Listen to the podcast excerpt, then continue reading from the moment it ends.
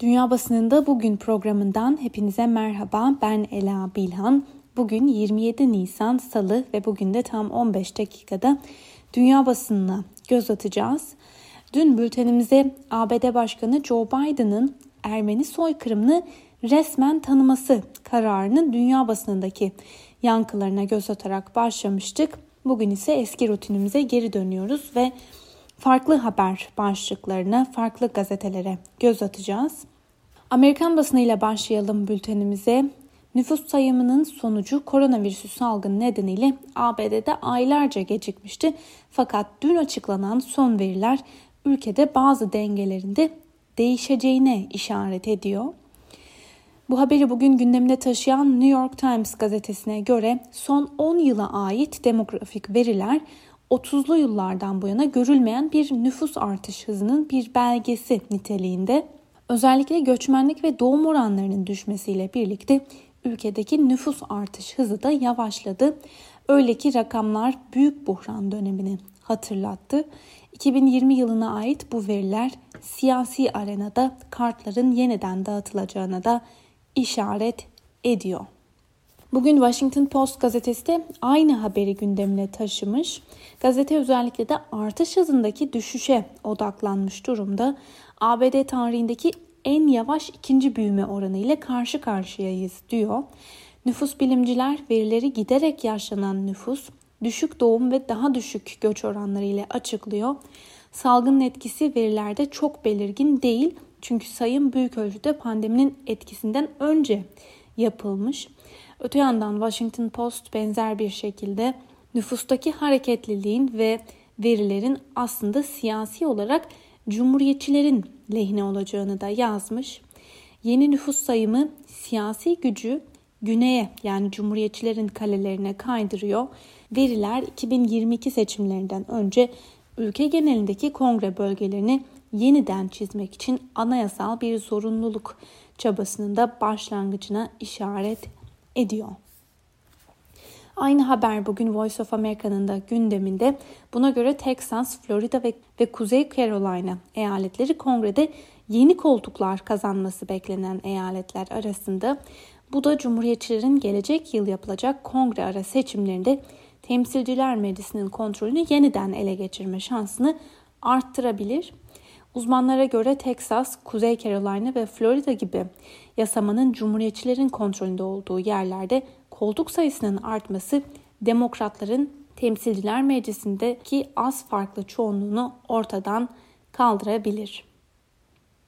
Voice of America'nın aktardığı bir diğer haberle devam edelim. Yapılan son anketlere göre kamuoyu Biden'a koronavirüsü pandemisine verdiği yanıt nedeniyle yüksek puan veriyor. Ancak Amerikalılar Meksika sınırına dayanan göç dalgasını kontrol altına alma konusunda Biden'ın aynı başarıyı gösteremediği görüşünde. Washington Post gazetesi ve ABC'nin ortak anketine göre Amerikalı yetişkinlerin %52'si Biden'a olumlu not verirken %42'lik bir kesim ise başkanın icraatlarını onaylamadıklarını söylüyor. NBC'nin anketinde ise Biden'a destek verenlerin oranı %53, vermeyenlerin oranı da %39 olarak kayda geçti. Bir diğer haberle devam edelim. Amerika'da 2020 başkanlık seçimlerinin ardından geçtiğimiz ay Georgia'daki cumhuriyetçilerin eyalet seçim sistemiyle ilgili kuralları değiştirmeleri ülke genelinde azınlıkların oy kullanma hakları ile ilgili yeni tartışma ve kaygılara yol açtı. Demokrat Partili kongre üyeleri benzer uygulamaların önüne geçme amacıyla oy kullanma hakkı ile ilgili bir yasa tasarısını gündeme taşıma çabasında ancak senatodan böylesi bir tasarıya onay çıkmayacağı tahmin ediliyor. Voice of America'nın bu konudaki haberine göre demokratların temsilciler meclisine taşıdığı seçim hakları yasa tasarısı ile seçim kurallarına ulusal seviyede standartlar getirilmesi amaçlanıyor. Cumhuriyetçiler ise bu öneriye eyalet yönetimlerinin yetki alanlarına müdahale niteliğinde olduğu gerekçesiyle karşı çıkıyorlar. Dolayısıyla bu tasarının demokratlara cumhuriyetçilerin eşit sayıda temsil oranı bulunan senatodan geçmesi çok zor görünüyor. New York Times'ın yorum köşesinde bugün Navalny'e dair bir yorum var. 3 hafta önce başlattığı açlık grevini doktorlarının uyarısı üzerine sonlandırma kararı alan Navalny, ülkenin gerçek lideridir diye yazmış Oleg Kashin. Cesur ve gururlu bir şekilde insanlık dışı muamele eden bir sisteme karşı mücadele etmeyi sürdürüyor. Bu nedenle ülkenin gerçek lideri Navalny'dir. İngiliz basınının gündemdeki bir haberle devam edelim. Bu haber özellikle dünden bu yana İngiliz basınında önemli bir tartışma konusu haline geldi. İngiltere Başbakanı Boris Johnson'ın sonbaharda başbakanlık konutunda koronavirüs salgını ile ilgili hararetli bir tartışmada cesetler yığılsa bile kapatma önlemlerini almaya karşı olduğunu söylediği ortaya çıktı. Ve tartışmadan haberdar olan ve BBC'ye konuşan kaynaklar ise bu ifadeleri doğruladı. Başbakan Johnson'ın bu sözleri Ekim ayı sonlarında söylediği bildiriliyor. BBC politika editörü Laura Kassenberg o dönem Johnson'ın yeni kapatma tedbirlerinin ekonomi üzerindeki olumsuz etkileri ve Covid ile ilgili olmayan sağlık sorunları nedeniyle büyük kaygılar yaşadığına dair haberlerden söz edildiğini hatırlatıyor. Bu tartışmalar bugün Times gazetesinin de manşetinde aktarılan habere göre 10 numara bu iddiaları sert bir dille yalanlıyor. Fakat Times gazetesi ise iddiaların doğru olabileceğini dile getiriyor. Çünkü tam da o dönemde Boris Johnson kapanma önlemlerinin işe yaradığına dair bilimsel kanıt olmadığı konusunda diretiyordu. Yani kapanma fikrine sert bir şekilde muhalefet ediyordu. Aynı haberi bugün manşetine taşıyan The Guardian gazetesi ise Johnson'ın ağır bir baskı altında olduğunu yazmış.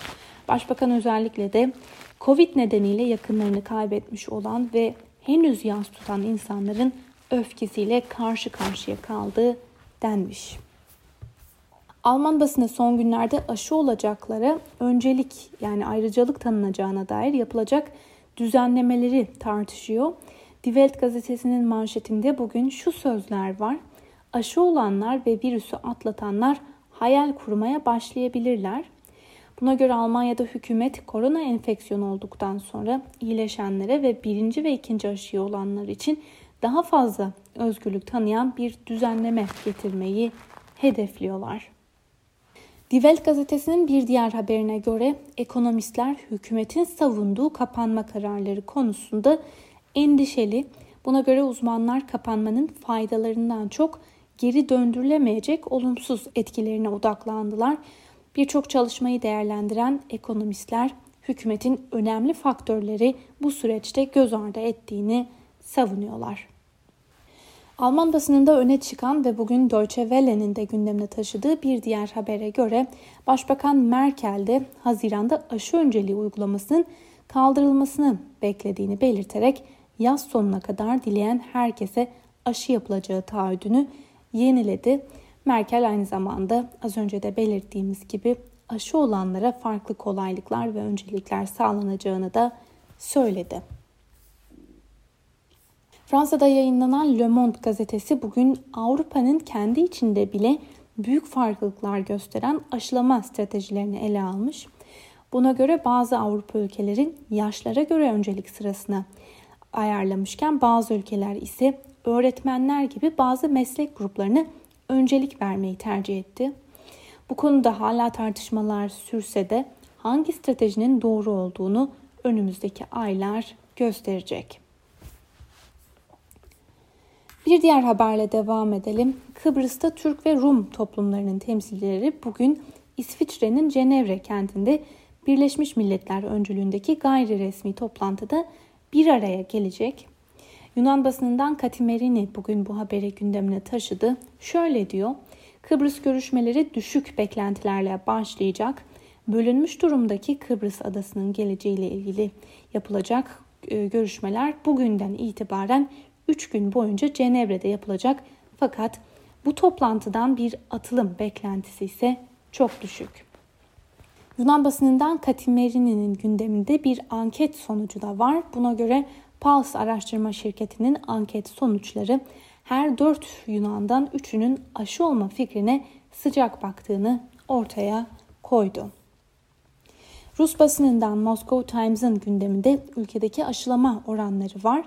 Buna göre aşılamanın başladığı Eylül ayından bu yana Rusya'nın en temel sorunlarından biri aşıya duyulan güvensizlik. Birçok Rus vatandaşı hükümetin aşıları siyasi bir araç olarak kullandığını savunarak aşı olmaya sıcak bakmadıklarını dile getiriyorlar. Fakat Moscow Times'ın bugünkü haberine göre ülkede şu ana kadar %10'luk bir kesim aşılanmış oldu.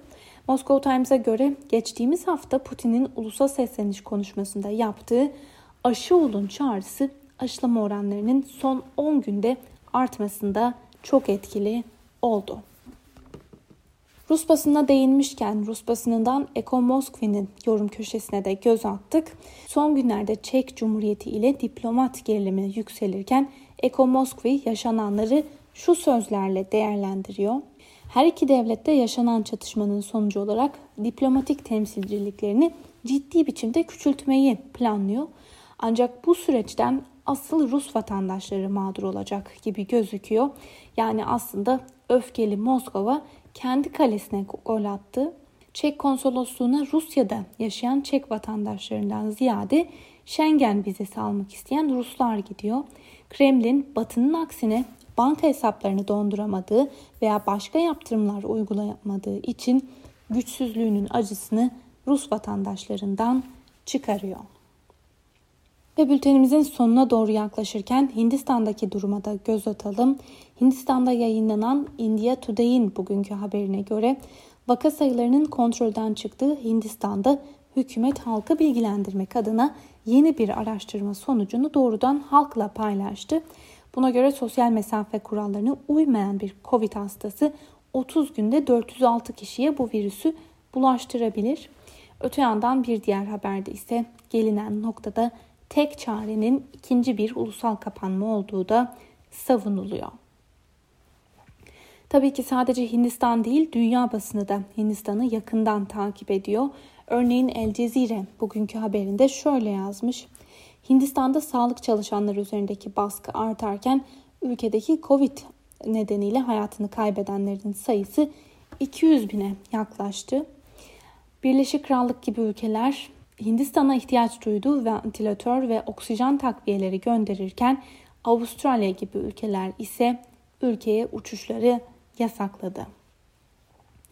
New York Times'a göre ülkenin acil durum çağrısına bir nebze de olsa kulak verildi. Almanya, İngiltere ve ABD'den tıbbi yardım teklifi geldi. Öte yandan ülkede siyasetçilerin hala miting yapması ise eleştiriliyor.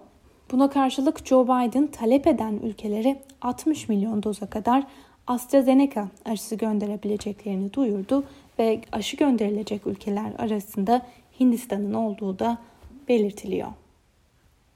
Bugün CNN de Hindistan'da gelinen noktayı ele almış. Dünyada virüsten en kötü etkilenen ülke konumundaki Hindistan'da her gün binlerce insan virüs nedeniyle hayatını kaybediyor. Varlıklı kesimlerin kendilerini garanti altına almak için ülkedeki oksijen tüplerini satın alıp stokladıkları ve kaymak tabakanın da yakındaki ülkelere özel jetlerle kaçıştıkları haberleri medyaya yansıyor. Ve BBC ise Hindistan'daki durumu şu sözlerle ele almış. Hindistan'da başkent Delhi ve birçok kentte hastaneler tamamen dolup taştığı için insanlar hastalarını evde tedavi etmenin yolunu bulmaya çalışıyor.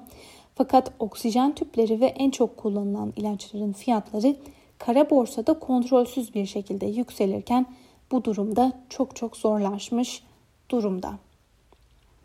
Al Arabya'nın gündemindeki habere göre Suudi Arabistan Sağlık Bakanlığı aşı önceliği konusunda yeni bir düzenlemeye gitti. Bununla birlikte ülkedeki hamilelere de aşı önceliği tanınacak.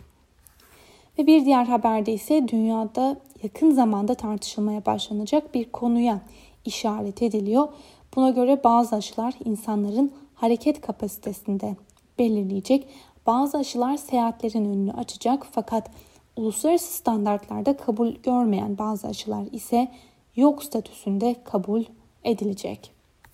Ve son haberimiz Venezuela'dan. Son günlerde Venezuela'nın batısındaki Kolombiya sınırını belirleyen nehir kıyılarında şiddetli silahlı çatışmalar artarak devam ediyor. İnsan Hakları İzleme Örgütü pazartesi günü yaptığı açıklamada Venezuela Silahlı Kuvvetleri'nin 5 haftadır süren operasyonlarda en az 4 sivilin infaz edilmesi, keyfi tutuklamalar ve silahlı gruplarla işbirliği yaptığı iddia edilen kişilere işkence gibi insan hakları ihlallerinde bulunulduğunu belirtiyor. Sevgili Özgürüz Radyo dinleyicileri, Venezuela'dan aktardığımız bu son haberle birlikte bugünkü programımızın da sonuna geldik. Yarın aynı saatte tekrar görüşmek dileğiyle Özgürüz Radyo'dan ayrılmayın. Hoşçakalın.